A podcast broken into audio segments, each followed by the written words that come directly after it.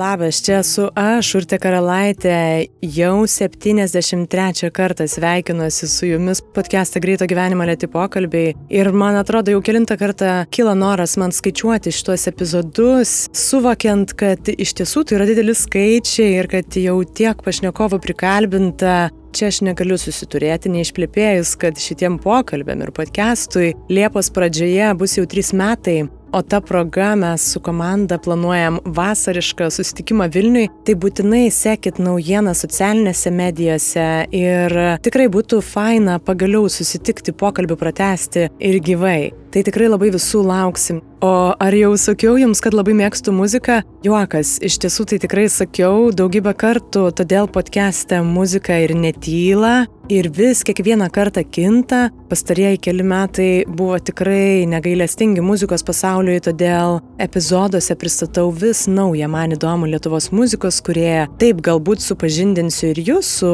naujais garsais, o tuo pačiu mes kartu su rėmėjai simboliškai prisidedam prie muzikos pasaulio kuriejų veiklos. Tai čia prisidėti galite ir jūs, patreon.com, pasvirasis brūkšnys, lėti pokalbiai. Dabar girdit Aurelijaus Užametskio kūrinį This Isn't Heaven iš tik pasirodžiusio albumo Signals, kurį rasite Bandcamp platformai.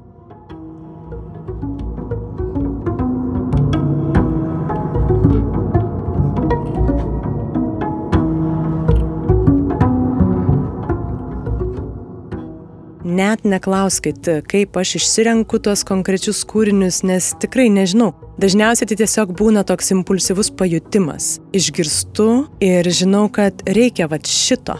Va šitas garsas tinka. Tai tai buvo ir šį kartą, nors klausiau albumo keletą kartų ir vis svarščiau, bandžiau logiškai išgalvoti, kuris čia kūrinys tiktų labiau, bet šį įsimylėjau iš karto ir galutinis sprendimas buvo sekti savo impulsyvųjų sprendimą. Smagu, kad ir Instagram sekėjai patvirtino šį mano pasirinkimą, kai klausiau, ką jie mano apie šitą kūrinį.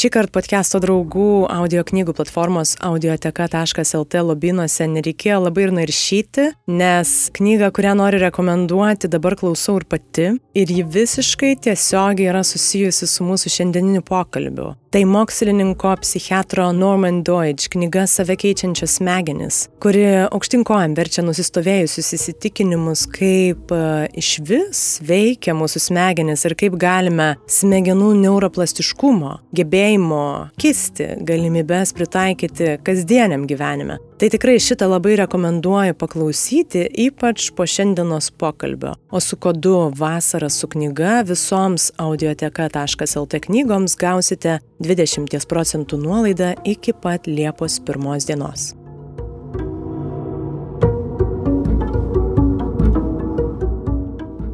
Tai šiokia tokia įžanga, apie ką šiandien kalbėsimės, jau padariau. Šiandien studijoje susitinkame su Vilniaus universiteto gyvybės mokslų centro neuromokslininkė, biochemijos mokslų daktarė Urte Neniškytė. Tiesa, apie šį dviejų určių dialogą galvojau jau seniai, bet iš tiesų džiaugiuosi, kad susitinkame būtent dabar, kai į mano pačios domėjimosi lauką įsiterpė smegenų plastiškumo tema ir natūraliai kilo daugybė klausimų, kuriuos šiandien urti ypač kantriai ir atidžiai padeda šiek tiek atnarplioti ir praplėsti. Su neuromokslininkė kalbamės apie nuolatinį smegenų gebėjimą kisti ir prisitaikyti nepriklausomai nuo amžiaus, biologiją pagrįstą psichoterapijos proceso naudą, streso ir psichinių sutrikimų paliekamus pėtsakus smegenyse, sėkmės ir nesėkmės vaidmenis mokymosi procesuose, bei keliam klausimą, ar išmanieji prietaisai iš tiesų palengvina mūsų smegenų darbą, kaip kad iš pirmo žvilgsnio atrodytų.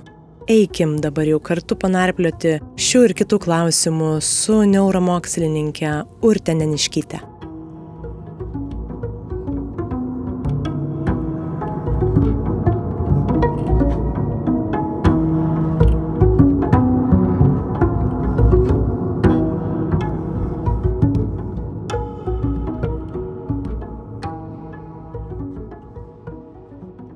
Neuromokslai iš esmės yra sankirtoje labai įvairių disciplinų. Tai yra ir gyvybės mokslai, pradedant nuo labai bazinių ir labai fundamentinių kur mes iki biofizikos prieiname, kurioje tikrai žiūrime labai nu, detalius fizikinius procesus, kas vyksta smegenimis. Ir išsiplečia taip pat iki žmonių. Tada tu turi psichiatriją, tu turi neurologiją, psichologiją lygiai taip pat, nes neuropsichologija yra atsiradusi. Ir tada atsiranda ta tokia problema, kaip šnekėti pakankamai plačiai ir ypač taip, kad žmonėms būtų suprantama ir jiems būtų aišku, kaip visi tie moksliniai, fundamentiniai atradimai jiems yra aktualūs. Bet kartu kad nesijaustų visi kiti, kad tu įsiverži jų erdvę. Nes, tarkim, atsiranda iš, iš neurologų gal ne tiek, iš psichiatrų kartais atsiranda. Ir aš tada labai aiškiai visą laiką bandau apibriežti, kad mes čia šnekame apie normą arba šnekame apie patologijos fundamentinius tyrimus. Aš niekada niekam nesiūlau kažkokių gydimų, niekur nesiūlau kur kreiptis, nes yra tas toks suprasti, kur yra tavo riba, kiek tu gali šnekėti tam, kad kažkas kitas nesijaustų, kad tu jau pereini į jo teritoriją iš tikrųjų. Bet tuo pačiu, ką jūs ir minėt, tos teritorijos nėra labai aiškiai apibrieštos. Nu, jos persidengia ir norim, kad persidengtų. Taip, jos yra persiklojančios ir čia labiau turbūt susiję net ne tiek, kiek mes galim šnekėti, nes aš manau, kad ir neurologas atėjęs ir psichiatras, jis gali šnekėti apie fundamentinius neuromokslus.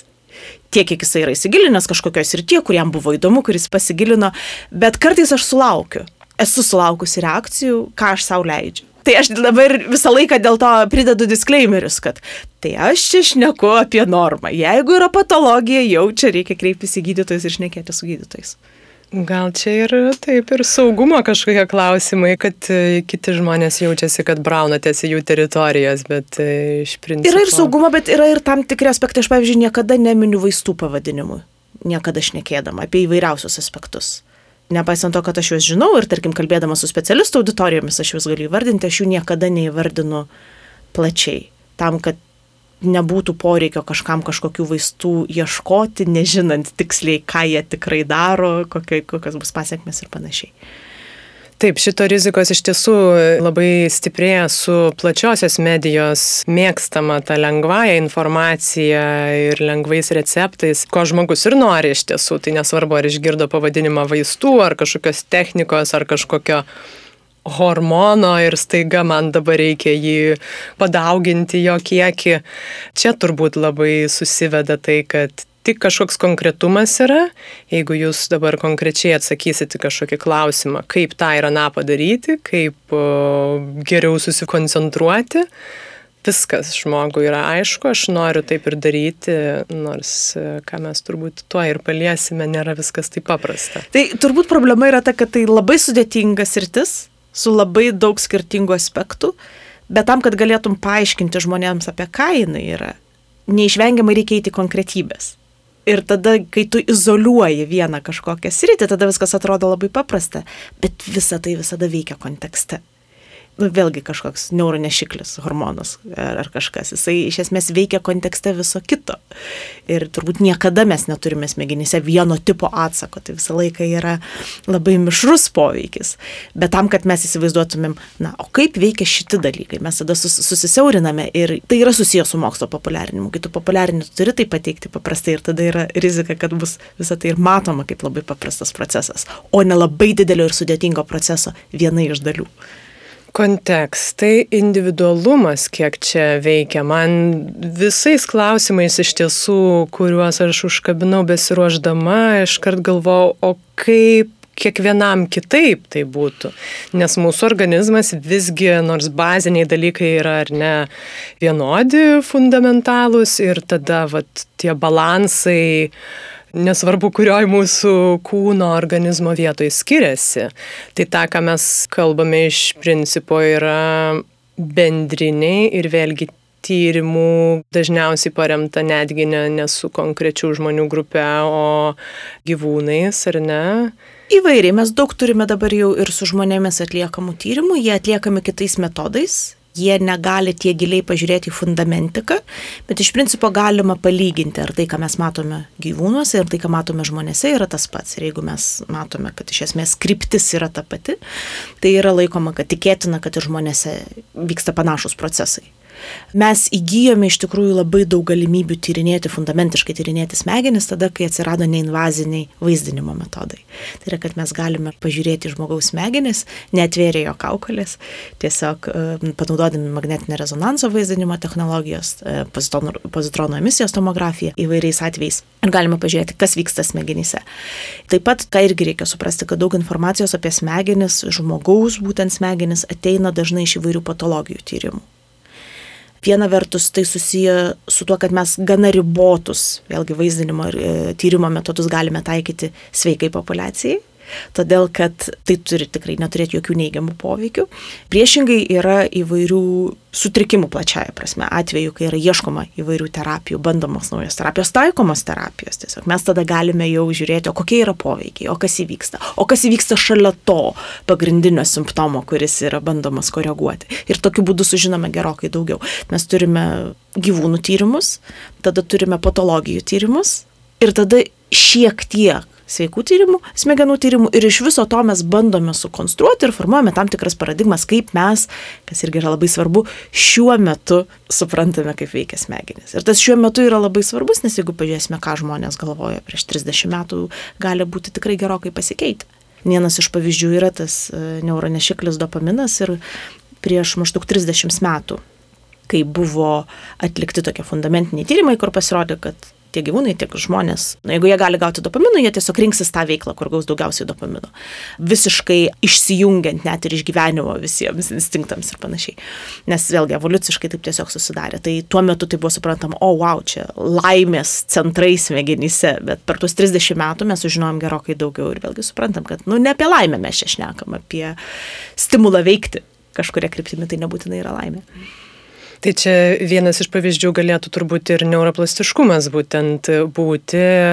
Aš kaip tik esu vis dar eigoje, klausau šitos populiarios tikrai audio knygos Save keičiančios smegenys Normano Deutsch, kur didelė dalis ir yra apie kovą ir darbą įrodinėjant būtent to neuroplastiškumą. Tai čia jau gerai atsimenu 70-ieji, bet tai dar tik eiga ir tikrai nepasakysiu, kada vat, jau visi sutarė, susikibę rankomis, kad taip mes tikime, kad smegenys gali keistis, bet aš čia norėčiau jūsų paprašyti tiesiog gal trumpai pristatyti, kas visgi yra tas neuroplastiškumas. Tai neuroplastiškumą mes galime žiūrėti irgi labai plačiai ir turbūt galbūt tris kategorijas mes galėtumėm išskirti. Viena kategorija yra susijusi su smegenų įprastu vystimusi ir jų prisitaikymu gyventi tokioje erdvėje, kokioje mes gyvename. Tai mes turime tą įprastą smegenų vystimąsi, plastiškumas prasideda maždaug vertinamas nuo maždaug septinto neštumo mėnesio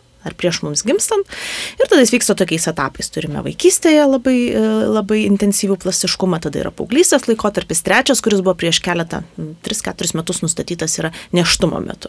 Tai ilgai yra tiesiog normaliai, fiziologiškai būdingi periodai, kai mes turime labai intensyviai besikeičiančias smegenis. Normos atveju, fiziologiniu atveju, net ir tarp tų labai intensyvių periodų vis tiek smegenys nuolat kinta ir nuolat keičiasi ir tada mes galime šnekėti apie smegenų plastiškumą kaip įrankį formuotis mūsų atminčiai. Ir atminčiai šiuo atveju aš kalbėčiau apie žymiai platesnį dalyką negu tik mūsų prisiminimus, tai ką mes atsimename, nes ta atmintis yra mūsų elgesio modeliai tam tikri, mūsų reakcijos, visa tai, kaip mes keičiamės, vėlgi adaptuodamėsi prie besikeičiančios aplinkos plačiaja vėlgi prasme, nes mes galime šnekėti, nu, tai jeigu aš mokausi matematikos, tai tam tikrą prasme aš adaptuojuosi prie aplinkos, kurioje yra reikalaujama iš manęs vis daugiau matematinio įgūdžio. Tam ir tam, kad tas įgūdis atsirastų, smegenys turi pasikeisti. Nes tai, kaip mes dabar suprantame, kad bet kokia smegenų funkcija, bet koks smegenų veiklos rezultatas,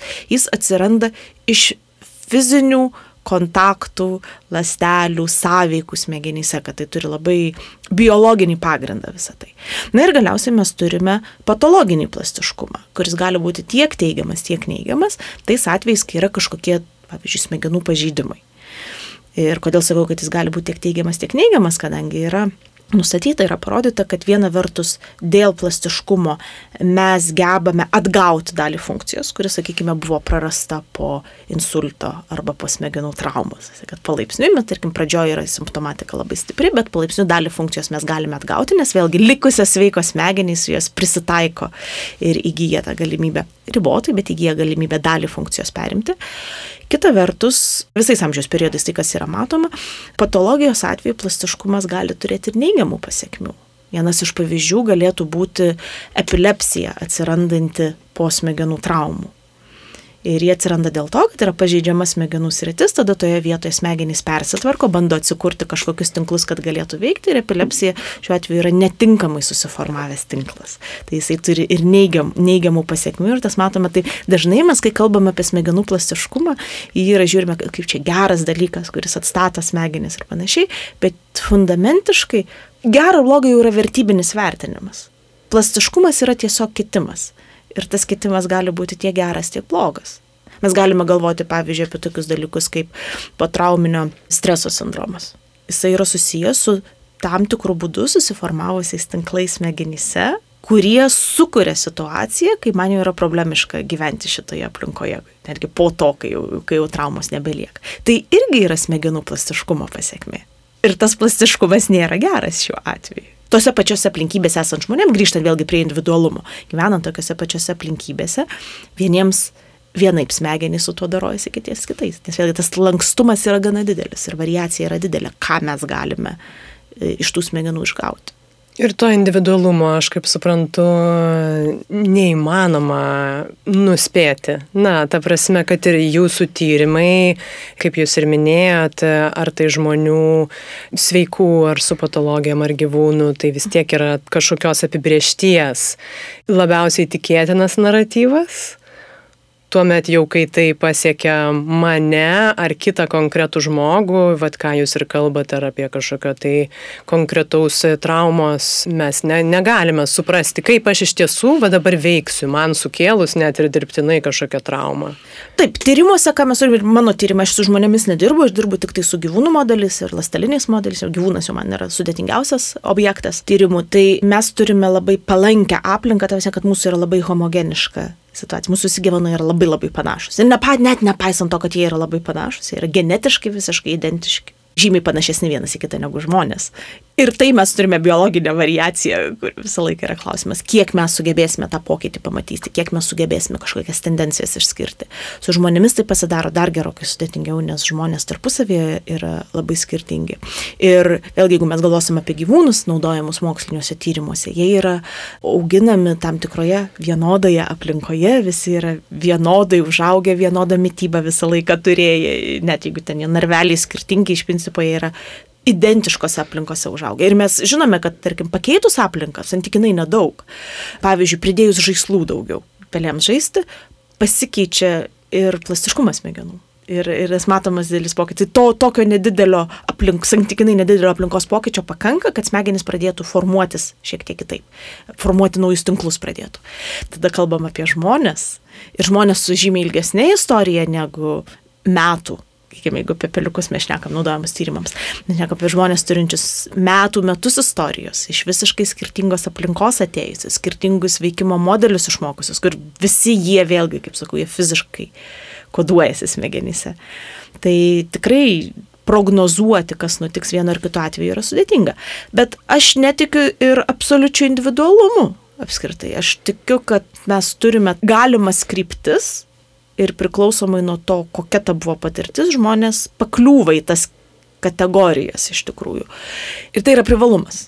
Nes dėl to, kad mes galime išskirti tam tikras kategorijas, tada mes galime galvoti apie terapijas, tarkime, kažkokių sutrikimų atveju ar, ar, ar gydimus ir panašiai. Nes jeigu mes sakom, kad kiekvienas absoliučiai yra individualus, tuomet mes liekame be jokios pagalbos iš tikrųjų. Tai vėlgi, nepaisant to, kad mes esame individualus, tam tikrus tipus, sakykime, dažniausiai galima išskirti. Be abejo, aš čia galvodama apie individualumą kalbu ne apie asmenybės ir ką mes mėgstam, nemėgstam, bet labiau net ir apie smegenų, kad ir va, tų neurotransmiterių kažkokius tai balansus, kurie turbūt kažkiek tai vis tiek varijuoja ir lemia mūsų ir atsaką į kažkokią situaciją. Taip, jie varijuoja, bet aš sakau, aš tikėtina, kad mes nerasime dviejų visiškai identiškų žmonių, bet vis tiek tam tikrus tipus mes galime išskirti. Na, sakykime, yra dopaminas, jis labai centrinis daugeliu tyrimų atliekamas, e, susijęs labai su, su priklausomybėmis, iš esmės centre visų priklausomybių, dėl to labai intensyviai tyrinėjamas, bet jisai tyrinėjamas ir kitais atvejais. Turime patologinių atvejų, kai dopamino kiekis kritiškai sumažėja. Vėlgi, kas tas kritiškai sumažėjęs skirting, skirtingiams žmonėms gali būti skirtingas lygis, mes dėl to jo nematuojame iš tikrųjų smegenyse, bet mes pagal simptomatiką galime pamatyti. Na ir atsiranda tada Parkinsono lyga ar Parkinsono tipo sutrikimai. Į kitą pusę mes galime žiūrėti, kai, kas yra, kai dopamino yra per daug. Dopamino yra per daug, vėlgi Mes turėsim tą kontinuumą, kur kažkurioje vietoje, sakysime, čia yra blogai, tarkime, tureto sindromas. Jis yra siejamas su per dideliais kiekiais dopamino. Tai vėlgi, nepaisant to, kad tie žmonės yra individualūs ir, ir netgi, jeigu žiūrėsime į visą smegenų chemiją, jie, jie bus skirtingi, bet tam tikrų aspektų jie tampa panašus ir, ir, ir mes galime jiems panašią pagalbą teikti iš tikrųjų tuo atveju. Grįžtant ir prie neuroplastiškumo ir tikėjimo, kad jeigu smegenys keičiasi, vadinasi ir mūsų atsakas net ir į tą pačią situaciją galimai galėtų keistis ir pagalvoti ir apie mūsų elgesį, norą keisti galbūt savo elgesį ir tokį skambų fake it till you make it. Čia įdomu bus išgirsti, ar tai yra realybėje egzistuojantis toks šūkis. Man įdomiausia yra pagalvoti ir apie tokias aplinkas smurtinės sudėtingas, kuriuose žmogus formuojasi, tarkim, nuo pačios vaikystės ir jisai tik tą yra išmokęs. Tik tokią, tokius elgesio modelius, tokius atsakus, kaip čia neuroplastiškumas pozityvusis, ar gali veikti ir kiek iš tiesų galima tą jau tokį labai stipriai įrašytą naratyvą irgi judinti. Tai turbūt vėlgi tai bus individualu, nes žmonių netgi ir pats plastiškumas bus skirtingas. Vienų smegenis bus linkusios greičiau keistis ir adaptuotis, kitų mažiau. Ir jeigu mes šnekame apie subrendusius suaugusius žmonės. Ir kai kalbame apie būtent atsako, skirtumas čia yra labai geras, kad mes galime į tą pačią situaciją reaguoti skirtingai priklausomai nuo to, kaip mūsų smegenis keičiasi ir pripranta adaptuojasi tuo iš, iš principo yra visa psichoterapija pagrista. Kad mes situacijų nepakeičiam, realybė lieka tokia, kokia yra. Bet mes pakeičiame tai, kaip mes reaguojame į tai. Ir vėlgi tas reakcija, ypač pradžioj tai yra sąmoningas pasirinkimas vieno ar kito elgesio modelio, vienos ar kitos reakcijos. Mes galime tai sąmoningai daryti. Bet tai tampa tam tikrų įpročių galiausiai ir tas įprotis atsiranda ne iš niekur kitur, bet ir iš persitvarkymo smegenų tinklų, kai yra, nu, ta informacija, jinai suvaikšta šiek tiek kitaip ir suvaikščios informacija kitaip, mūsų reakcija pasikeičia, pasikeičia net nu, ir emocinėme lygyje ta reakcija pasikeičia. Tai čia tas yra skirtumas iš esmės, kai aš jau galiu kažkokioje situacijoje labai supykti ir išreikšti tai agresiją. Ir tai gali būti mano išmoktas modelis, sakykime. Aš galiu analogiškoje situacijoje supykti, bet išreikšti savo pyktį kažkokiais visuomeniai primtinais būdais. Ir, ir tai gali būti sąmoningas procesas, kai man reikia sustoti, užgneušti kylančią agresiją ir išmokti kitaip į tai reaguoti. Ir tada yra variantas, kai aš išmokstu automatiškai reaguoti. Nepaisant to, kad aš supykstu, man agresija nebekyla, aš, nes aš moku kitus būdus. Ir Yra daroma daug labai tyrimų, kur rodoma, kaip pasikeičia smegenų aktyvumai ir konektyvumas vadinamas, vienos rytis susijusios su kitomis taikant terapijas, pavyzdžiui, kognityvinio elgesio terapija šia prasme yra labai ištyrinėta, daug labai tyrimų smegenovaizdos atlikta, kur rodoma, kad mes turime, tarkim, nu, žmogų laikome normalias smegenis, tipinės galbūt reikėtų sakyti, normotipinės smegenis. Na, žmogus, kuris turi depresiją diagnozuotą. Mes galim palyginti smegenis, mes galime pastebėti, kad kažkokios sritis yra daugiau mažiau aktyvios, kažkurios rytis yra per silpnai ar per stipriai susijungusios. Ir kas yra stebima, kad po psichoterapijos iš esmės pasikeičia tie aktyvumai ir jie priartėja prie neurotipinių smegenų. Tai reiškia, kad psichoterapija nėra tik tai, kad aš išsišneku ir, ir kažką išsprendžiu, tai iš tikrųjų, kaip ir sakau, viskas pavirsta biologiniu pagrindu iš tikrųjų smegenyse ir dabar, kai mes turime metodus, mes tą galime pamatyti, kad taip iš tikrųjų veikia. Tai tokių tyrimų dar kol kas nėra atlikta kiekvienam konkrečiam sutrikimui, sakykime, kuriam yra taikoma psichoterapija, bet tikėjimas, nuostata, manimas, iš esmės pagrindžiant tuo, ką mes matome, yra iš esmės, kad taip, tai yra būtent plastiškumo pritaikymas tam, kad mes pakeistumėm, kaip mūsų smegenys reaguoja į plačiają prasme dirgiklius, kad ir kas tai būtų, ar tai santykis, ar tai įvykis, ar tai aplinkos kažkoks dirgiklis, kai kas vyksta.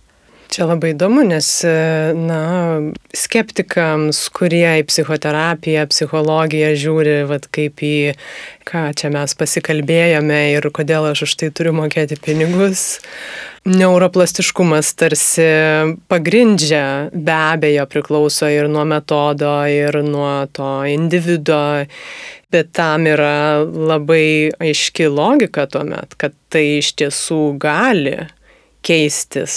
Na ir tas atsakas ir, ir, ir mąstymas turbūt. Nu, mąstymas yra vienas iš atsako tipų.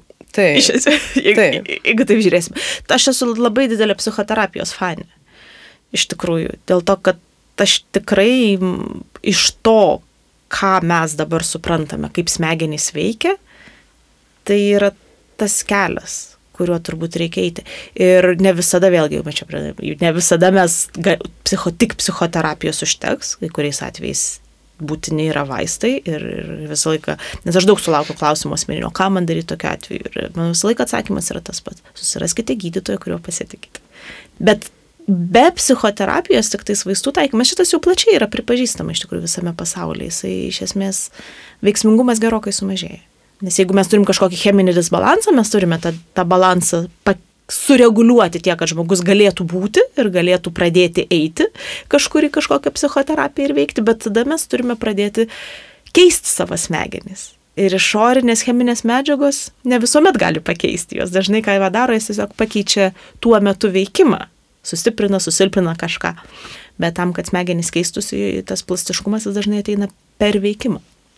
Taip, dabar aš iš truputį iš kitos mhm. pusės noriu prieiti, nes e, visiškai atsitiktinai pabandžiau labai sunkiai paskaityti keletą ir akademinių kažkokių rastų straipsnių būtent apie neuroplastiškumą ir depresijos, nerimo sutrikimus radau teiginių jau, jau stiprių, kad neuroplastiškumas yra neigiamai veikiamas būtent depresijos nerimo epizodų to cheminio disbalanso. Tai nežinau, kiek jūs čia esate kažko užčiuopusi ir kaip būtų galima tą pamatyti, kai yra vat, jau susidariusi ta situacija ir tuomet ypač galvojant galbūt apie ilgą periodą kažkokio depresyvaus ir negydomo to vat, irgi cheminio pakitimo smegenyse, kas tada vyksta. Tai mes e, šiuo metu turime jau centrus atsirandančius ir Lietuvoje, kurie žiūri į tą pačią depresiją ir sunkia depresiją kaip į kompleksinį sutrikimą, kuris nėra tik tais psichologinis, psichiatrinis sutrikimas, jis yra ir fizinis sutrikimas, ta prasme, kad mes iš principo Žiūrėdami, kas vyksta smegenyse iš biologinės pusės, depresijos atveju matome, pavyzdžiui, uždegimą smegenų. Tai jeigu mes turime uždegimą, tada vėl, kai sakot, kad plastiškumui kenkia, čia turbūt turime omenyje, kad kenkia e, mokymos, su mokymosi susijusiam plastiškumui mes mokomės blogiau tuo atveju, kai yra depresija ir nerimas.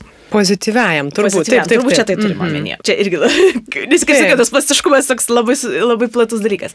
Tai čia turbūt ta, tuo atveju, bet jeigu mes turime chronišką uždegimą smegenyse, tai chroniškas uždegimas smegenyse iš principo yra siejamas su didžiaja dalimi patologijų atsirandančių, tiek ten senatvinės įvairios demencijos, tik dabar yra pastebima, kad depresijos atveju yra padidėjęs uždegimas ir panašiai. Tada pradedamas kelti klausimas, aha, višta ir kiaušinis. Galbūt jeigu mes padėsime smegenim susitvarkyti su vat, visų to uždegimu ir kitais dalykais, to turbūt nepakaks. Na, čia yra labai kompleksinis sutrikimas, bet tai gali būti vienas iš komponentų, kurie padėtų įveikti tą būseną. Ir turbūt mes čia ir turime, turime psichiatrinius vaistus, kurie yra skirti cheminiam disbalansui sukoreguoti. Mes turime psichoterapiją, kuris, kuris skirta panaudoti teigiamai neuroplastiškumo poveikį tam, kad performuoti tinklus ir tai kaip, tai, kaip tinklai komunikuoja. Ir tada mes turime fizinį visą pagrindą, kur mes turime mytybą, sportą, kitus dalykus, kurie gali vėlgi subalansuoti tą biologinį foną, sakykime, kuriame mūsų smegenys veikia. Nes mūsų smegenys yra neatskiriama kūno dalis ir ta graikų sveikam kūnė sveika siela iš tikrųjų šio laikiniais biologiniais tyrimais yra labai pagrindžiama, kad negali sergančiame kūne visiškai puikiai veikti smegenys. Ir mes dažnai matome tarkime, įvairių chroniškų uždegiminių lygų atveju, kad žmonėms yra būdinga depresija. Ir tada yra labai sunku atskirti, nes labai paprastas paaiškinimas būtų, nu žmogus visą laiką blogai jaučiasi. Dėl to neišvengiamai jis blogai, besi, blogai jaučiasi ir jisai tampa prislėgtas ir atsiranda depresinių simptomų. Bet dabar vis daugiau yra šnekama apie tai, kad tai nėra tik tais atsakas į tai, kad aš fiziškai blogai jaučiuosi. Tai yra ir pakitęs uždegimas, kuris tiesiogiai veikia mūsų smegenų funkciją. Dar tada noriu pažiūrėti, taip, čia irgi labai susiję. Hipokampa būtent mokymasis ir atmintis, ar ne, smegenų sritis. Ir čia vėlgi galvojant apie kažkokius tai ilgalaikius ar chroniško streso, gal be abejo šitie turbūt ir skiriasi, kaip jie veikia depresija, nerimas. Žmogus, kuris visą gyvenimą intensyviam strese bando vis ir mokytis ir tobulėti, kokį gali palikti pėtsaką būtent šitai sričiai. Ir ar tai atsistato, Vėlgi turbūt ten bus tyrimai susiję su mokymusi ir, ir, ir rezultatai, kurie rodo mokymosi pokytį, nes hipokampas tai yra mūsų smegenų sritis, kuri yra atsakinga už atmintį ir, ir mokymasi kaip atminties tipą. Uh, Tai stresas apskritai, jeigu mes žiūrėsime biologiškai tiesiog į stresą, ne, ne, neliesim tų psichologinių dalykus, bet biologiškai žiūrint į stresą, į tai kokius sukelia streso hormonų atsakus, kaip, kaip pasikeičia cheminis vėlgi balansas tiek visam kūne, tiek smegenyse, jis yra labai labai žalojantis. Ir mes čia išnekame apie ilgalaikį chronišką didelį stresą. Ir vėlgi tai yra įvairių modelių, kaip yra parodyta, ko ir kaip tos cheminės medžiagos iš tikrųjų sukelia šitus poveikius. Tai aš nesakyčiau, kad tai turbūt yra specifinis hipokampui poveikis, tai yra daugiau mažiau, tai yra apskritai žalingas smegenims poveikis. E, stresas yra labai įdomus dalykas, ta prasme, kad e, Tai aišku, ką mes vadiname stresu, tai jis yra labai didelis stresas, bet iš principo stresas mums yra reikalingas, kad mes apskritai veiktumėm. Biologiškai teigiamas reikiamas stresas, jisai eustresu yra vadinamas, jisai aišku yra gerokai žemesnis lygus negu tai, kame mes dažniausiai nuolat gyvenam ir juo labiau ne tai, kam, aplinkybės, kuriuose gyvena kai kurie žmonės. Tai tas didelis stresas, jis vėlgi yra koreliuoja su smegenų uždegimu didėjančiu ir tada visas tas išsiverčia. Iš tiesų, kartu turbūt tai ir supaprastina viską ir, ir padaro labai sudėtingą smegenyse, tai kad mes skirtingų sutrikimų, skirtingų situacijų atveju mes matome labai panašius biologinius komponentus sakykime, uždegiminis komponentas smegenyse arba sulėtėjęs, tas plastiškumas su to siejamas, sutrikęs. Tai yra, turbūt rodo tam tikras kryptis, kurios vėlgi yra labai panašios, tik priklausomai nuo to, koks tas yra kontekstas, jie gali sukelti skirtingus, skirtingus sutrikimus. Bet iš mano pusės, nes aš daug tyrimo atlieku būtent neurouždegimo srityje, būtent tyrinėjant, kaip uždegimas keičia besiformuojančias smegenis, kaip uždegimas keičia e, senstančias smegenis. Tai nu, mes matome tokius gana universalius kelius. Ir kas yra labai įdomu, jau tiesiogiai siejantį su, su, su mūsų pačių tyrimais, yra tai, kad netgi visas ta neurodegeneracija, ką mes matome, kad mes išnekame apie patologiją vėlyvajame amžiuje, mes dažnai stebime tuos pačius požymius, kurie yra matomi neurovystimosi metu ankstyvajame amžiuje. Kad iš principo vėlgi čia tas pats plastiškumas turbūt yra klausima, kad tikėtina netgi visa degeneracija smegenų, kurią patiriame su amžiumi, tam tikrų lygų atveju, yra tam tikras patologinis plastiškumas. Nes visus tos plastiškumo žymenius, kuriuos mes matėme ankstyvuoju laikotarpiu, smegenims dar tik tais besivystant vaikystėje, mes juos vėl pradedame matyti smegenims senėjant. Tam tikrą prasme mūsų smegenys niekada nesustoja kisti, jos visą laiką keičiasi, ne, kiekvieną rytą mūsų smegenys yra kitokios negu jos buvo vakar. Ir apsitai per visą amžių jos nuolat keičiasi. Ir kaip suvaldyti tą kitimą ir kaip turėti tos teigiamus aspektus neuroplastiškumo, bet neturėti neigiamus, turbūt yra didžiausia paslaptis. Aš labai neaiškiai turbūt prieš tai ir suformulavau ir savo, ir, ir, ir jums klausimą, bet e, vat, ką jūs sakote apie degeneraciją, aš čia turbūt e, ir galvojau apie tai, vat, kiek chroniškas stresas ar ilgalaikė depresija gali palikti galbūt jau ne neatstatomą pokytį, net ir jaunam žmogui, jūs dabar minėjot vyresnio amžiaus kažkokias tai lygas patologijas, mhm. bet, bet ir jaunam sveikam besivystančiam. Tai vėlgi tas smegenų gebėjimas atstatyti homeostazę, nu mes atstatyti tą normą, jisai labai skirtingas mūsų visų yra. Tai iš principo nelabai ir nuo amžiaus priklausys, bet priklausys nuo to, kiek, kiek smegenys gali pakelti, kiek gali atsistatyti ir turbūt vėlgi tos pačios aplinkybės vienam sukels kažkokias trumpalaikės pasiekmes, su kuriomis pavyks jam susidaro, žmogui susidoroti ar pačiam individualiai, ar su gydytojų pagalba. Kitais atvejais net ir gydytojų pagalbos gali nepakakti grįžti į, į tą normą. Bet e, negaliu taip absoliutinti, nes iš esmės čia vienas iš tų atvejų, tu negali pasakyti, kad kažkam nepadės. Dėl to, kad mūsų visų smegenys yra plastiškos, yra kintančios, tik tais mes nežinom kiek.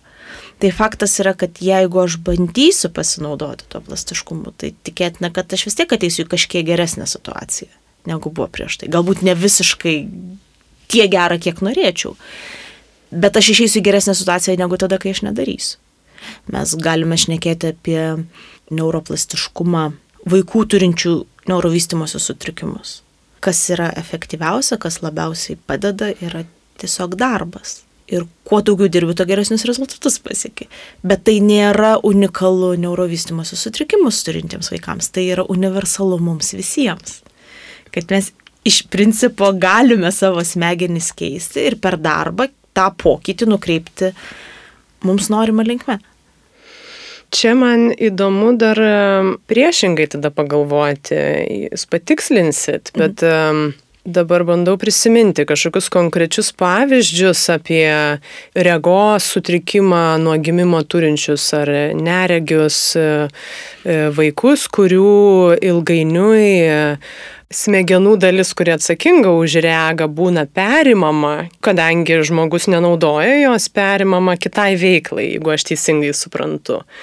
Ir va šituo principu pagalvoti apie tai, kad smegenų dalis kažkokia tai, kurios mes nebenaudojame, jinai e, nebeatsiauginama, jinai vad perimama, bet tada kaip veikia, nežinau, tarkim, grojimas pianinu, mes mokėmės e, vaikystėje ir, ir staiga dabar, nežinau, 40 atsisėdė ir vis dar moki čia labai primityvus pavyzdys, bet man įdomu, kiek yra visiškai neatsiauginama, jau kur praradome ir atėmė iš mūsų. Bet kažkokia dalis, va toj atmintytoj plačiojoje mūsų visko yra įrašyta, ko nenaudojam. Tai e, čia truputėlį reikia atskirti, kada tai įvyksta, nes tai, kai jūs šnekate, kad smegenų sritis perima uh, funkcijas. Iš esmės, tos sritis, kurios yra visiškai nenaudojamas, visiškai negauna stimulų, jos iš esmės mažėja ir perimama, funk, kitos funkcijos perima tą sritį. Tai tai yra susijęs su ankstyvuoju vystimusi ir su vadinamaisiais kritiniais langais. Tai yra tie laikotarpiai, kai vystosi kažkokia specifinė smegenų sritis, pavyzdžiui, atsakinga už klausą, už regą ir panašiai. Rega vystosi iš tiesų labai ilgai palyginti. Bet klausos atveju yra toks gana paprastesnis pavyzdys, lengvai, lengvai paaiškinamas ir galbūt dažniau matomas, dažniau apie jį mes šnekam aplinkoje, yra vaikučiai, kurie gimsta kurti. Dėl to, kad jų e, neveikia sraigiausiai, reiškia, neveikia mikrofonas į mūsų ausų iš esmės, kuris pakeičia mechaninę garso bangą į elektrinį signalą, kurį gali suprasti smegenys. Ir tokiu atveju jau seniai, jau prieš 60 metų yra atrastas būdas tai išspręsti, tai yra mes tiesiog naudojame uh, inžinerijos stebuklą mikrofoną, kuris mechaninę bangą pakeičia elektriniu, elektriniu signalu ir tą elektrinį signalą perdoda tiesiai į klausos nervą, kuris tiesiai tada nukeliauja iš esmės į smegenis. Tokio tipo operacijos, kochlearinį implantą, vat, kuris atkuria klausą, jį šiuo metu yra implantuojama visame pasaulyje, Lietuvoje yra keli šimtai vaikučių operuojama, dabar jau abu, abi dvi ausytės operuojamas, tai reiškia ir stereo garsas įgyjamas, kas yra labai svarbu, nes pradžioje dėl kainos tik vieną gaudavo. Tai realiai vaikai visiškai atgauna funkciją, nežinant, kad jie negirdėjo, kažkada to būtų nepastebima. Bet apribojimas yra tas, kad šito tipo operacijas reikia atlikti iki dviejų metų. Paprastai yra maždaug metų su trupučiu atliekamos. Kodėl du metai? Tuo, kad pastebėta, jog iki dviejų metų, jeigu mūsų klausos smegenų žievė negauna jokių signalų, tada jinai yra prarandama ir perima, tarkim, regos žievė perima ją. Rega nepagerėja dėl to, kol kas bent jau nėra įrodymų, kad rega pagerėtų, bet tiesiog mes nebetenkame smegenų gebėjimo priimti garsą tokiu atveju. Ir kai kuriuose šalyse netgi vyresni vaikučiai nebėra operuojami tiesiog dėl to, kad rezultatai yra gerokai prastesni. Tai tie kritiniai langai, jeigu mes pasižiūrėsime vienų mūsų pojūčių, dažniausiai čia šnekame apie pojūčių smegenų sritis, tiesiog jos ištyrinėtos geriausiai, bet tikėtina, kad ir kitos smegenų sritis irgi per kritinius langus vystosi. Vieni vyksta anksčiau, kiti vėliau, vieni trumpiau, kiti ilgiau, tarkim, klausos tas yra pat iki dviejų metų nustatytas, regos yra gerokai ilgesnis, mūsų skaitimas, pavyzdžiui, irgi yra adaptacija panaudoti regimąją žievę, tam, kad mes ne šiaip ieškotumėm elnio susimedžioti, bet uh, išmoktumėm dekoduoti informaciją, simboliais užrašytą. Tai tai irgi yra susijęs su labai, mes sukuriame naujus tinklus smegenyse, adaptuojame turimas smegenų sritis atlikti visiškai naujai kultūriškai funkcijai, kuri biologiškai nebuvo užkoduota. Tai irgi galevat mūsų e, neuroplastiškumo ir tokiu atveju mes iš esmės matome sukuriama naują tinklą, bet vėlgi iki tam tikro amžiaus. Čia yra gerokai vėliau, čia mes galime šnekėti apie paauglius, bet jau suaugusiems, tyriant, smege, e, lyginant skaitančius ir neskaitančius suaugusius, smegenų struktūra jau yra kitokia regimosios žievės. Tai nereiškia, kad smegenys yra prastesnės, jie kitus dalykus žymiai geriau daro. Nes mes tam, kad išmoktumėm skaityti, mes turime pradėti ignoruoti e, simetriją. Na, pavyzdžiui, kad D ir B yra du skirtingi dalykai, nes gamtoje D ir B yra visiškai tas pats tas pats obolys iš kitos pusės matomas. Ir mes prarandame iš tikrųjų tą įgūdį, išmokstame ignoruoti visą tą ir, ir tam tikras susimetrijas susijusios užduotis žymiai geriau atlieka žmonės, kurie neskaito. Šis, bet mes čia šnekame, kad gerokai ilgesnis tas kritinis periodas, nes mes čia kalbame, man atrodo, ir nuo 14 metų liktais dahenė tyrimai atliekami, kad jau vyresni, kurie neskaito iki 14 visiškai, kad jau galima smegenyse pastebėti, kad yra struktūriškai jos yra visai kitokios. Kai kalbame apie įgūdį, kurį prisimenam visą gyvenimą, negalima užmiršti, kaip važiuoji dviračiu, negalima užmiršti, kaip plaukti, negalima užmiršti, kaip groji. Tai yra iš tiesų motorinis įgūdis, dažniausiai apie kurį šnekame, ir motorinės žievės mes niekada nenustojame naudoti.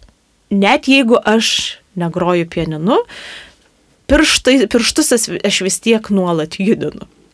Tai e, realiai tas įgūdis e, iš principo turbūt mok, išmokimas šitų motorinių funkcijų, tokių kaip važiavimas dviračiu ar plaukimas ar grojimas, jis yra susijęs su to, kad me, mūsų smegenys išmoksta kontroliuoti mūsų raumenis tiksliai. Ir šito mes jau neprarandame, nes tiesiog mes geriau kontroliuojame kūną ir jį kontroliuojame geriau kiekvieną dieną, atlikdami įvairiausius veiksmus.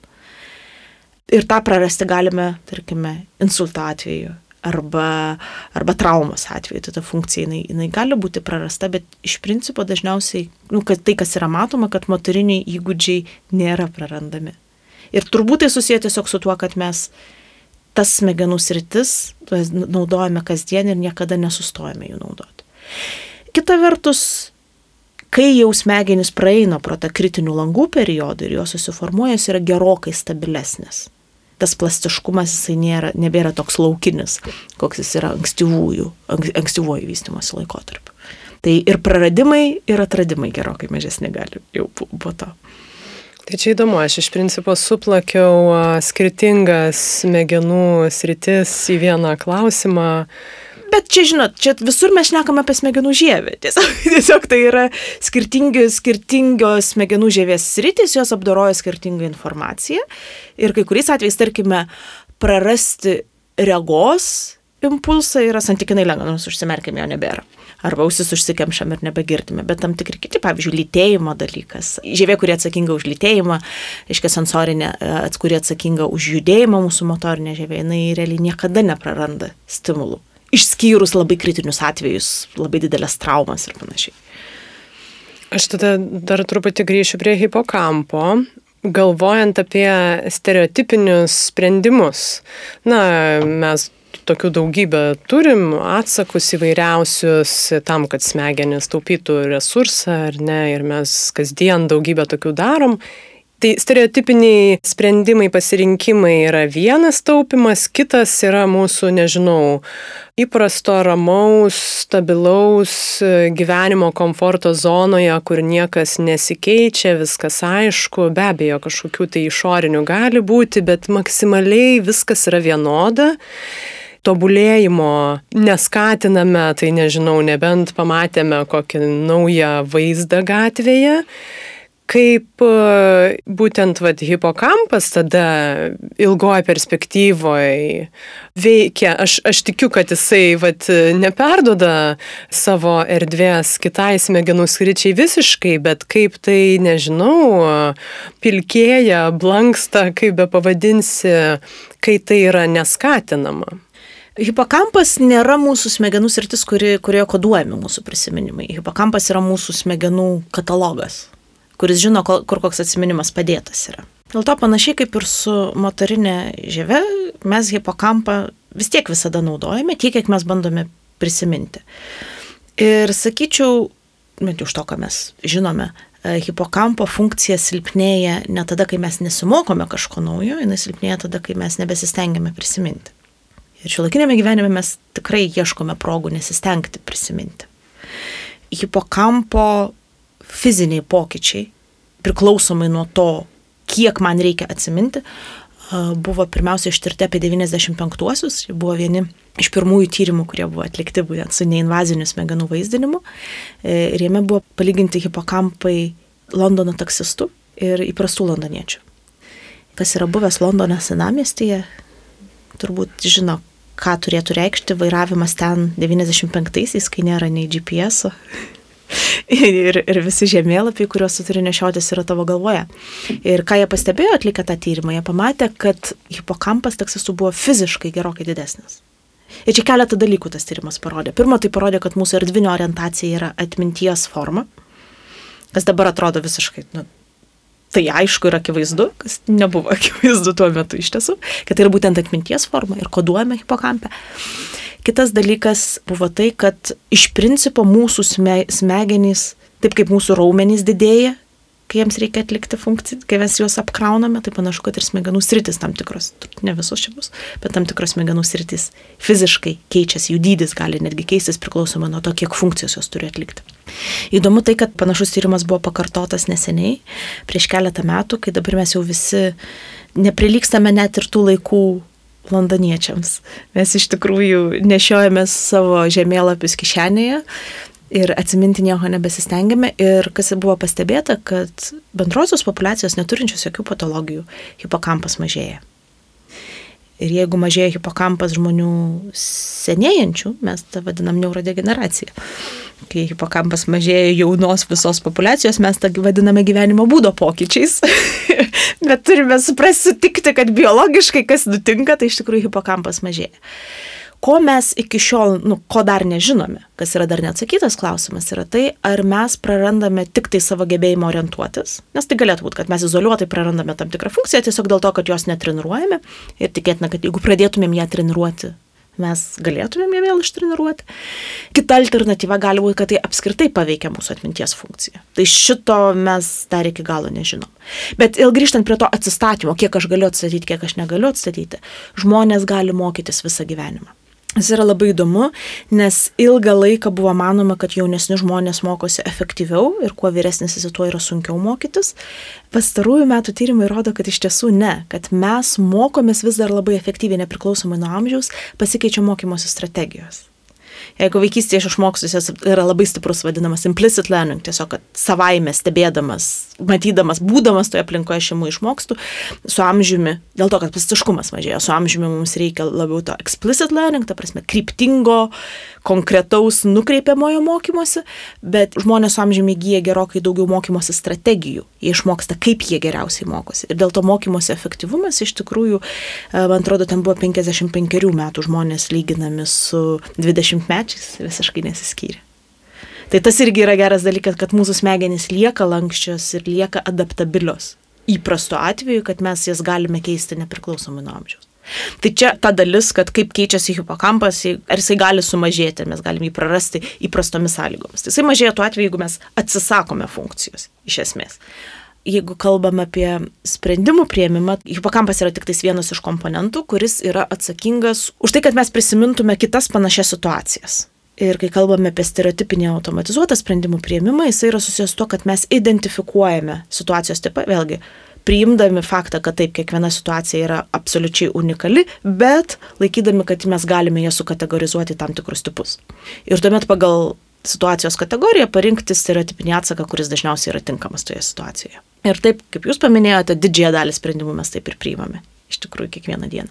Tai jeigu pagalvosite, šiuo atveju nėra tai, kad mes hipokampą nenaudojam. Hipokampas yra naudojamas itin aktyviai stereotipinio mąstymo metu hipokampas yra naudojamas itin aktyviai dėl to, kad mes turime atpažinti situaciją, palyginti, prisiminti kitas panašias situacijas, prisiminti, kokie, kokie buvo mūsų reakcijos būdai tose situacijose, kokios reakcijos buvo teisingos, kokios reakcijos buvo neteisingos ir tada išsirinkti, kaip aš sureaguosiu čia. Tai iš tikrųjų, nors mums atrodo, kad tai yra labai greitas ir labai lengvas dalykas - stereotipinis automatizuotas sprendimų prieimimas, todėl kad mes nenaudojame savo prieškaktinės žievės, kurios veiklą mes geriausiai jaučiame patys. Kad kai aš sunkiai galvoju, tai sunkiai ne hipokampas veikia, sunkiai mano prieškaktinė žievė veikia.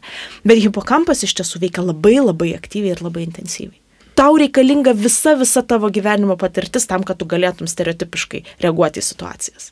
Taip, ir tam katalogė suranda greitai taip, tą informaciją. Taip, taip. Be abejo, neatsisakykime stereotipinių sprendimų, nes turbūt smegenis tiesiog nepajėgtų į kiekvieną situaciją pažiūrėti naujai ir, ir nepavežtų, bet aš labiau galvoju ir apie pasirinkimą nekelti savo ir iššūkių jokių, kad jeigu aš maksimaliai savo gyvenime remiuosi ir stereotipiniais sprendimais, ir renkuosi geriau negalvoti, nežinau, neskaityti, nestimuliuoti savęs, nesivelti jokius va tokius pokalbius.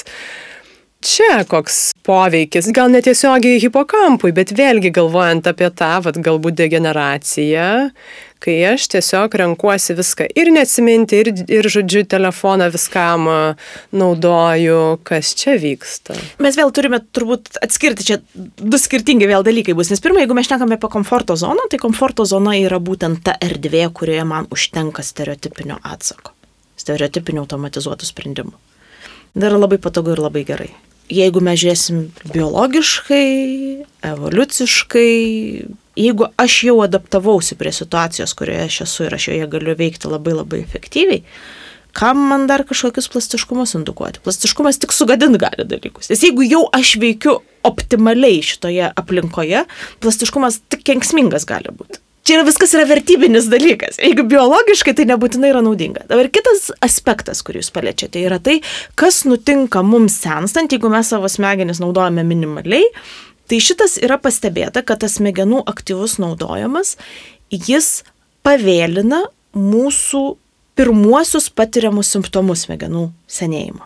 Iš esmės, smegenys nesenėja lėčiau šiais metais, man atrodo, išėjo tyrimas, kuris parodė, kad neapsaugo intensyvus protinis darbas nuo smegenų senėjimo. Ir smegenys senėja lygiai taip pat. Bet mes nejuntame savo smegenų senėjimo šiek tiek ilgiau, tuo atveju, jeigu mes naudojame protinį darbą. Ir tai yra siejama su vadinamu kognityviniu rezervu. Tai yra, kad aš dirbdamas protinį darbą, vėlgi aš ištreniruoju savo smegenis skirtingų problemų sprendimo būdų ir net jeigu smegenim senstant tam tikras jungtis aš pradedu prarasti, kurį laiką, penkis metus mes galime šnekėti, aš dar gebu su likusiu rezervu iš tikrųjų vis dar išspręsti problemas tiek efektyviai, kad aš nejauščiau, jog mano smegenys silpnėja. Tai realiai mes nesustabdome biologinio smegenų senėjimo, bet mes turime susikaupę rezervą, kurį galime išnaudoti tam, kad nepajustumėm, kad, reiškia, vėsdu, kai susitaupai pinigų, ir netekęs darbo dar kurį laiką gali gyventi visiškai normaliai. Jeigu to rezervo neturi, tai iš karto, kai netenki darbo, iš karto tu pajauti neigiamas pasiekmes. Tai čia yra irgi, irgi panašus dalykas. Tai protinis darbas yra tam tikra prasme taupimas savo senatviai tada, kai jau smegenys biologiškai pradės senti, kad dar turėtumėm iš ko pagyventi kelis metus geriau. Atlikti tyrimai, kur lyginamas protinis ir fizinis darbas, tai yra matomas šitas efektas. Taip pat kai kurios praktikos išskirtos, pavyzdžiui, kaip intensyvus daugiau negu vienos kalbos naudojimas. Iškai aktyvi dvikalbystė. Aktyvi tai reiškia, kad tos kalbos turi būti naudojamos nuolat. Tai nėra tas pats, kas išmokau kažkada. Nu, dirbau Italijoje, išmokau italų kalbą, bet dabar aš itališkai paskaitau kartais kokią nors ten receptą du kartus per metus ir ten kažką pasiklausau, tai yra, nu, tikrai nėra aktyviai naudojama kalba. Bet Lietuvoje, todėl kad mūsų ta kalba maža, mes labai sėkmingai išnaudojame šį, šį privalumą, todėl kad ilgą laiką rusų kalba buvo antroji, kuri buvo paraleliai visiškai naudojama, dabar didžioji dalis moka anglų kalbą ir tai mūsų smegenims jau yra labai didelė apsauga. Taip, tai čia tokia e, smegenų pensija. Kaupiame savo į priekį. Aš noriu truputį taip išplėsti ir apie mokymąsi ir grįžti dar prie dopamino, kurį jūs minėjote. Tai tokį paprastą berots ir kažkuriame jūsų pranešime išgirdau, kad išmokstame kažko tada, kai patirime kažkiek ir sėkmės, ir nesėkmės kuo skiriasi tas procesas, kur pavyzdžiui mes pradedam, ne, nesvarbu ar tai sporto ar kažkokį įgūdį ir mums tiesiog visą laiką labai sekasi, kaip tada mano smegenis turbūt reaguoja. Ir be abejo, kitas kraštutinumas, kai man vis dar visą laiką labai nesiseka ir aš kažkaip bandau vis tiek save stumti. Tai šitas pranešimas turbūt e, buvo ten iš edukologijos formo, nu kažkas apie 85 procentų sėkmės yra susijęs su to, kada mokymasis yra efektyviausias, kada aš daugiausiai išmokstu santykinai daug, bet nėra šimtas procentų. Kodėl nėra šimtas procentų? Nes jeigu šimtų procentų atsakau teisingai, tai aš nesimokau. Jeigu šimtų procentų atsakau, taip, jeigu šimtų procentų atsakau teisingai, reiškia aš moku jų. Tai mokymasis gali būti tik tada, jeigu dalies atsakymo aš nežinau. Ir čia yra labai įdomu, nes buvo atliekami tyrimai su žmonėmis ir šitas skaičius buvo gautas. Ir po to buvo atliekami modeliavimo tyrimai su dirbtiniu intelektu, su mašininiu mokymusi. Ir gaunami tie patys skaičiai. Kažkodėl matematiškai viskas susiveda taip, kad vatys apie 85 procentus veikia tiek biologinėse sistemose, ką mes tiesiog stebime žmonės besimokančius, tiek, tiek kompiuteriniuose modeliuose mokymus. Kodėl reikalingas santykinai toks aukštas lygis? Dėl to, kad iš principo e, mokymasis ateina tik tais per sėkmę. Išmokymas irgi iš tikrųjų ateina tik per sėkmę, ta prasme, kad jeigu aš turiu šimtą atsakymų, iš kurių yra nu, penki teisingi, ir aš atsakau vieną iš jų penkių, tai aš jau ateičiai žinau, kad šitoje situacijoje šitas atsakymas yra teisingas. Jų gali būti vienas teisingas, gali būti du, gali būti dešimt, man nebesvarbu, aš turiu tą vieną, kuris yra teisingas. Jeigu aš pasirenku neteisingą atsakymą, tai man sako tik tais tiek, kad šitas yra neteisingas, kaip ir kiti 95. aš vis dar nežinau, kaip man reikia elgtis toliau. Dėl to mokymasis ateina per sėkmę ir sėkmė būtent mus motivuoja evoliuciškai tai buvo prasminga. Svarbiau mūsų apdovanoti už sėkmės, negu palaikyti per nesėkmės. Tam, kad nu, būtų nukreipiamas mūsų elgesys ta linkme, kuria sėkmės tikimybė yra didžiausia. Ir tai yra tiesiogiai susijęs su dopaminu, kurį paminėjote, nes kai mes patiriame sėkmę, mūsų smegenyse, mūsų smegenys apsidovanoja save ir mus dopamino pliūpsnių, kurį mes visi esam patyrę, tai tas jausmas, kai kažką sunkaus darėm, darėm ir pavyko tas. Ah, wow, padariau. Tai čia tas wow padariau, jis yra smegenyse išskiriamas dopaminas tam, kad kitą kartą darytumėm tą patį. Modelis evoliuciškai senas, stuburiniuose jau visuose yra. E, žmonėse vėlgi jisai susintegruos šiek tiek skirtingai, mes pridėsim sudėtingesnių komponentų, bet bazė visa tai yra santykinai paprasta. Mes patiriam, mūsų veiksmai pasiekia tikslą, mes pasiekėm sėkmę, mes esame apdovanojami, kad kitą kartą siektumėm to paties. Jeigu mūsų veiksmai nepasiekia tikslo, mes esame nubaudžiami baudžiami irgi smegenyse, visi mes žinome tą savibaudos jausmą, kuris irgi susijęs tuo, kad dopamino lygis smegenyse, jisai aštriai krenta iš tikrųjų. Tai ta bausmė smegenyse jinai yra patiriama netgi be išorinės bausmės. Kas irgi labai svarbu, vėlgi galvojant, tarkime, apie mentorystę ar mokymą ar kitus dalykus, kad žymiai svarbiau padėti žmogui pasiekti sėkmę, negu nubausti jį už nesėkmę. Nes už nesėkmę smegenys jį jau nubaudė. Ir mums nereikia papildomai to iš tikrųjų skatinti. Tai čia du komponentai susideda. Viena vertus, mums reikia patirti kažkiek nesėkmių, kitaip mokymosi procesas iš principo nevyksta. Kita vertus, mes turim patirti pakankamai daug sėkmių, kad mes kryptingai eitume tame mokymosi procese, kad mes matytumėm, kur einame ir kad mes žinotumėm, kaip toliau elgtis analogiškose situacijose.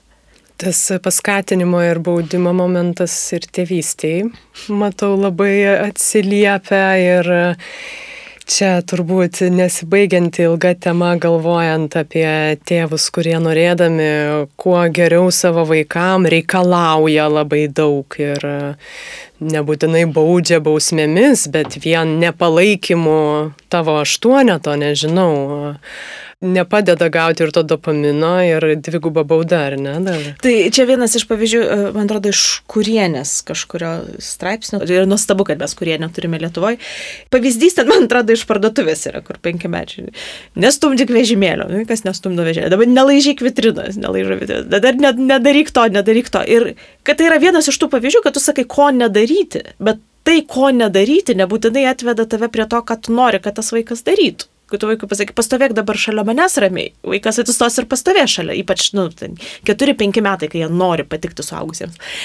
Ir tas vat, suvokimas, kad nu, mums suaugusiems atrodo suprantama, koks tas lūkestis yra, bet vaikui jis nebūtinai yra suprantamas. Ir mes tą galime ir į, perkelti ir į vyresnius žmonės, į, į žmonės darbe, kuriuos mes mokome. Mes jeigu jiems pasakome, kad jie daro blogai, tai nebūtinai padės jiems dirbti gerai ir efektyviausia yra nukreipti tą linkmę, kurios mes ir norime. Ir aš nežinau, turbūt mes kultūriškai esame prie to, ne, ne, ne, nedaryk to, ne, nedaryk ano, užuot pasakę, ką daryti. Dabar, aišku, tos pozityvios tėvystės atsiranda žymiai daugiau ir nuo pat ankstyvųjų dienų yra sakoma, kas vėlgi netinkamai suprantama kai kuriais atvejais, kad nesakyti ne. Tai ne, nėra tai, kad nesakyti ne, ir kad ponia turėtų sekti tai, o ką daryti. Kad neimk šito, bet paim kažką kitą. Nelipk čia, geriau užlipkit, arba geriau pasėdėję kažkur. Tas, kad susijęs su tuo, kad vien tik nepasakymas, jisai elgesi nebūtinai koreguoja mūsų norimą linkme iš esmės. Ir tada kelia tėvų frustraciją, dar sudėtingiau pasidaro bendravimas, sudėtingesnis bendravimas ir panašiai. Tai labai efektyviai veikia. Ir greičiausiai augina įsibaiminusi vaiką ir žmogų galiausiai, kuris tiesiog žino, kad jam nieko negalima. Arba, girdi, arba tą, kuris ignoruoja. Taip. Viską, ko negali. Nes jeigu yra tas toks, nu, tokie yra modeliai, kurie... Tas, išmoktas bejėgiškumas yra vienas iš modelių. Bet žmonėse, man įdomu yra pastebėti kartais nesudžiaugsiu, čia blogas dalykas, bet kartais pamatai tai, tai nebūtinai yra, kad trumuojantis, bet tiesiog tam tikri vėlgi išmokti elgesio modeliai. Mes galime išmokyti žmogų tiesiog manyti, kad aš vis tiek negalėsiu. Mes galim gyvūną taip išmokyti. Išmoktas bejėgiškumas ir man vis tiek nepavyks. Tai va tas toksai neigiamas grįžtamasis ryšys be jokio teigiamo grįžtamo ryšio, jisai gali prie to vesti. Nes tiesiog kam bandyti, vis tiek man niekada neišeina. Čia prie mokymosi dar tada išplėsiu ir apie vat, būtent kito žmogaus dalyvavimą, tai ar tėvai, ar mentoriai. Turbūt iš to paties jūsų pranešimo ten buvo tokia lentelė, aš dabar bandysiu paaiškinti visiems. Taip, apie mokymas ir tobulėjimą, kad yra, yra viena dalis, ką aš galiu padaryti savarankiškai, nepriklausomai nuo kitų, ir tada yra didesnė dalis, ką galiu padaryti su kito žmogaus pagalba, ir dar viena dalis, ko jau aš negaliu dabar padaryti. Tai man labai užstrigo ta dalis didesnė, kurią aš galiu su kito žmogaus pagalba. Čia labai platu yra, be abejo, kad nešti stalą man turbūt bus lengviau, čia gal ne visai gebėjimas.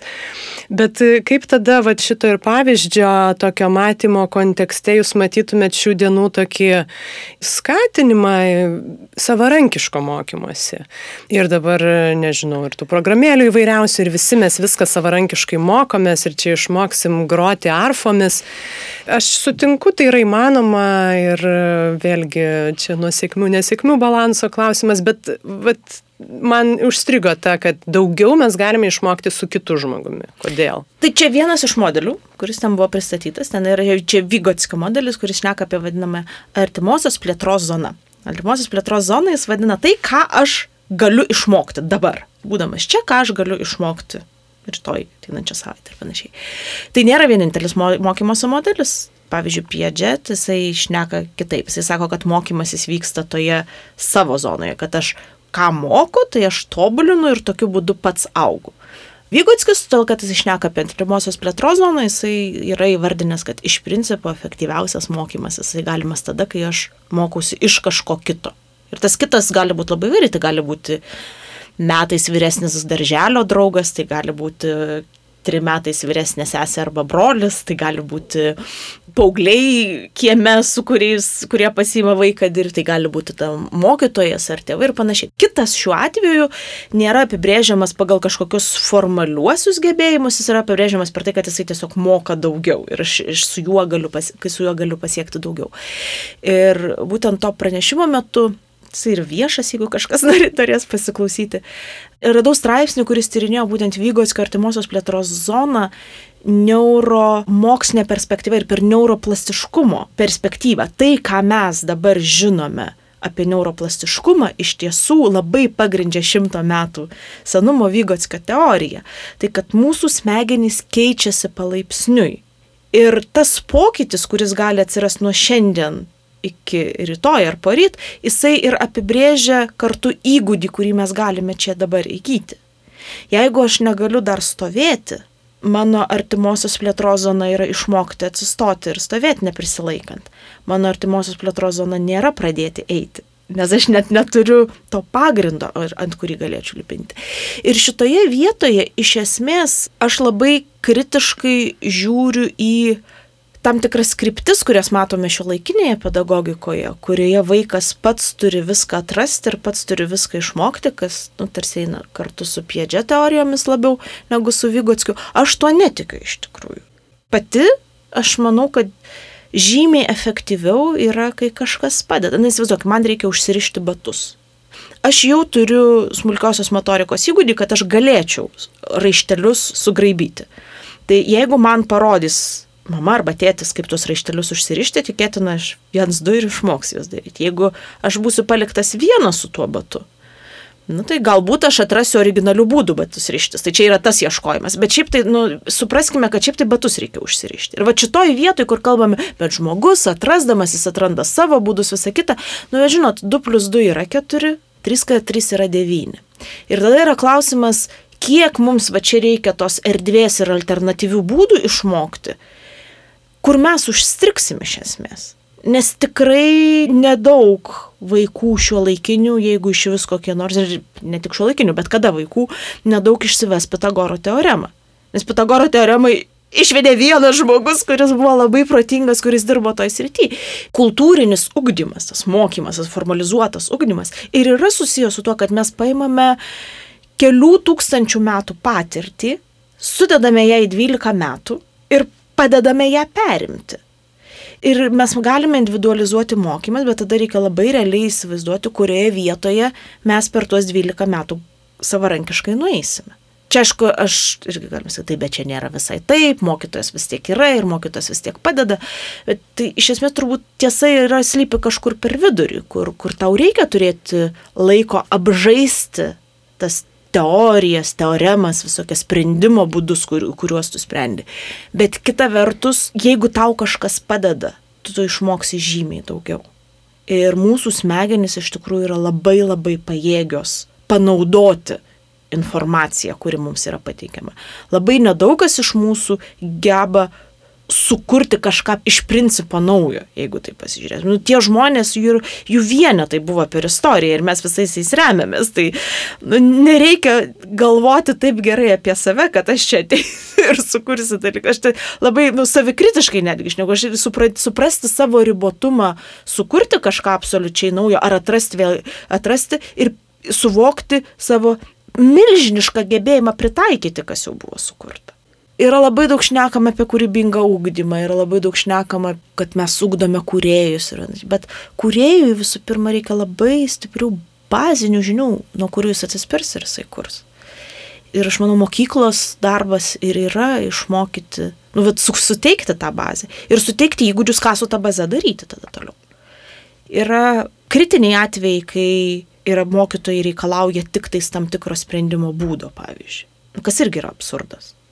Mokytojas, jeigu vaikas atrado kažkokį kitą būdą, kuris jam yra geriau ir jis yra teisingas, jisai nėra klaidingas, jisai neturi klaidingų prielaidų kažkokių ir panašiai, jis irgi turėtų būti priimamas. Nes yra man labai keista, kai iš pradinukų yra aš skirtingų programų, skirtingų šalių kartais pasižiūriu pradinukų, tarkime, matematikos užduotis, kai yra reikalaujama, tarkim, sudėti pademonstruoti būtinai tam tikrų būdų. Nes aš manau, kad vėlgi klasėje mes turėtume parodyti kelis įvairius būdus, kaip tai galima daryti, bet po to vaikas tiesiog renkasi tai, kas jam patogiau. Ir, na, čia tas toks balansas turbūt tarp vaiko augimo paties ir to, kiek tą augimą mes galime paskatinti jam padedami aukti ir padedami eiti prieki.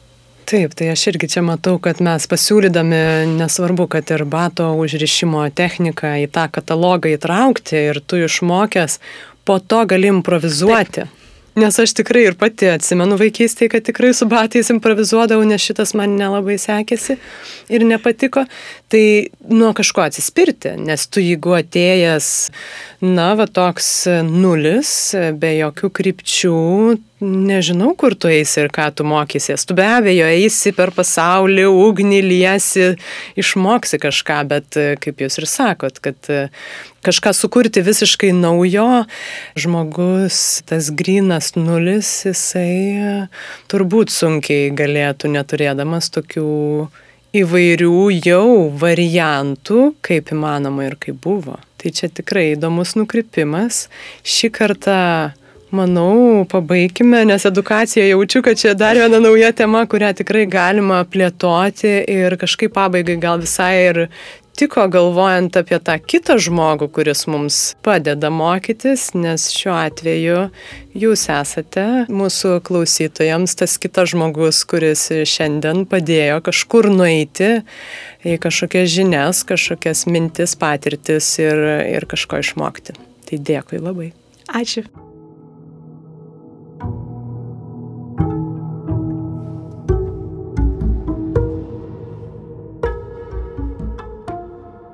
Ačiū, kad dar kartą prisijungėt ir pajudinot savo smegenis, galvodami apie tai, kaip jos veikia. Man labai žavu yra tas nežinojimo ir negalėjimo iki galo suprasti faktorius. Kad ir kiek betobulėtų mokslas, ir vis daugiau galėtume sužinoti apie sudėtingų žmogaus organizmo veikimo procesus, iki galo to niekada neperprasime. Ir ta paslaptis, man atrodo, tiesiog nuostabi. Tai vertinkim ją ir nesitikėkim tų vieno žingsnio sėkmės receptų, bet tuo pačiu ir neapleiskim savo gebėjimo judėti, keistis ir čia tikrai galime savo padėti, palaikyti ir motivuoti. Man šitas pokalbis dar tvirčiau parodė, kad pokyčiai tikrai turi tvirtą pagrindą vykti. Nes smegenys tai gali, o jos diktuoja visą kitą. Tai vienu metu ir įkvepia, ir kažkiek gal net nuramina.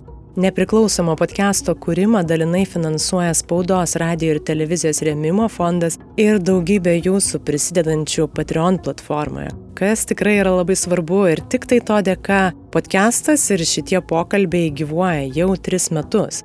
Jei norit prie pokalbių kūrimo simboliškai prisidėti ir jūs, tai galit padaryti patreon.com pasvirasis brūkšnys lėti pokalbiai podcast'o draugai, Vilniaus universiteto radijos stotis Start FM ir portalas 15 minučių. O visus tuos daugybę įvairiausių pokalbių rasit Spotify, iTunes 15 min klausyk ir kitose programėlėse bei karalaitė.com pasvirasis brūkšnys podcastas. Jūs jau tikrai žinote, bet dėl visako priminsiu, kad epizodai išeina kas antrą trečiadienį, bet jų niekada nepraleisit, jeigu seksit podcastą Instagram ir Facebook paskiruose arba audio platformose. O socialinėse medijose mes dabar su komanda labai aktyviai pildom įvairiausias rubrikas, kur susipažįstame su muzikos kuriejų, podcastų komandos, klausytojų mintimis ir kylančiais klausimais. Tai tikrai prisijunkit, nes podcastas ir pokalbiai čia nes nesibaigia. Kaip ir kas kart, podcast'e Greito gyvenimo lėti pokalbiai su jumis buvau aš, Urte Karalaitė, ir šį kartą kalbėjomės su neuromokslų daktare Urte Neniškytė. Likit dar keletui minučių pamasažuoti smegenų su Aurelijaus Užametskio kūriniu This Isn't Heaven. Iki kitų kartų neperkaiskit ir leiskit savo keistis.